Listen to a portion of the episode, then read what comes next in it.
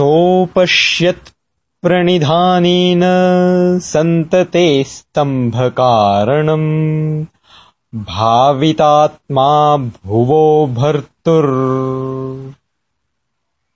अथैनम् प्रत्यबोधयत्।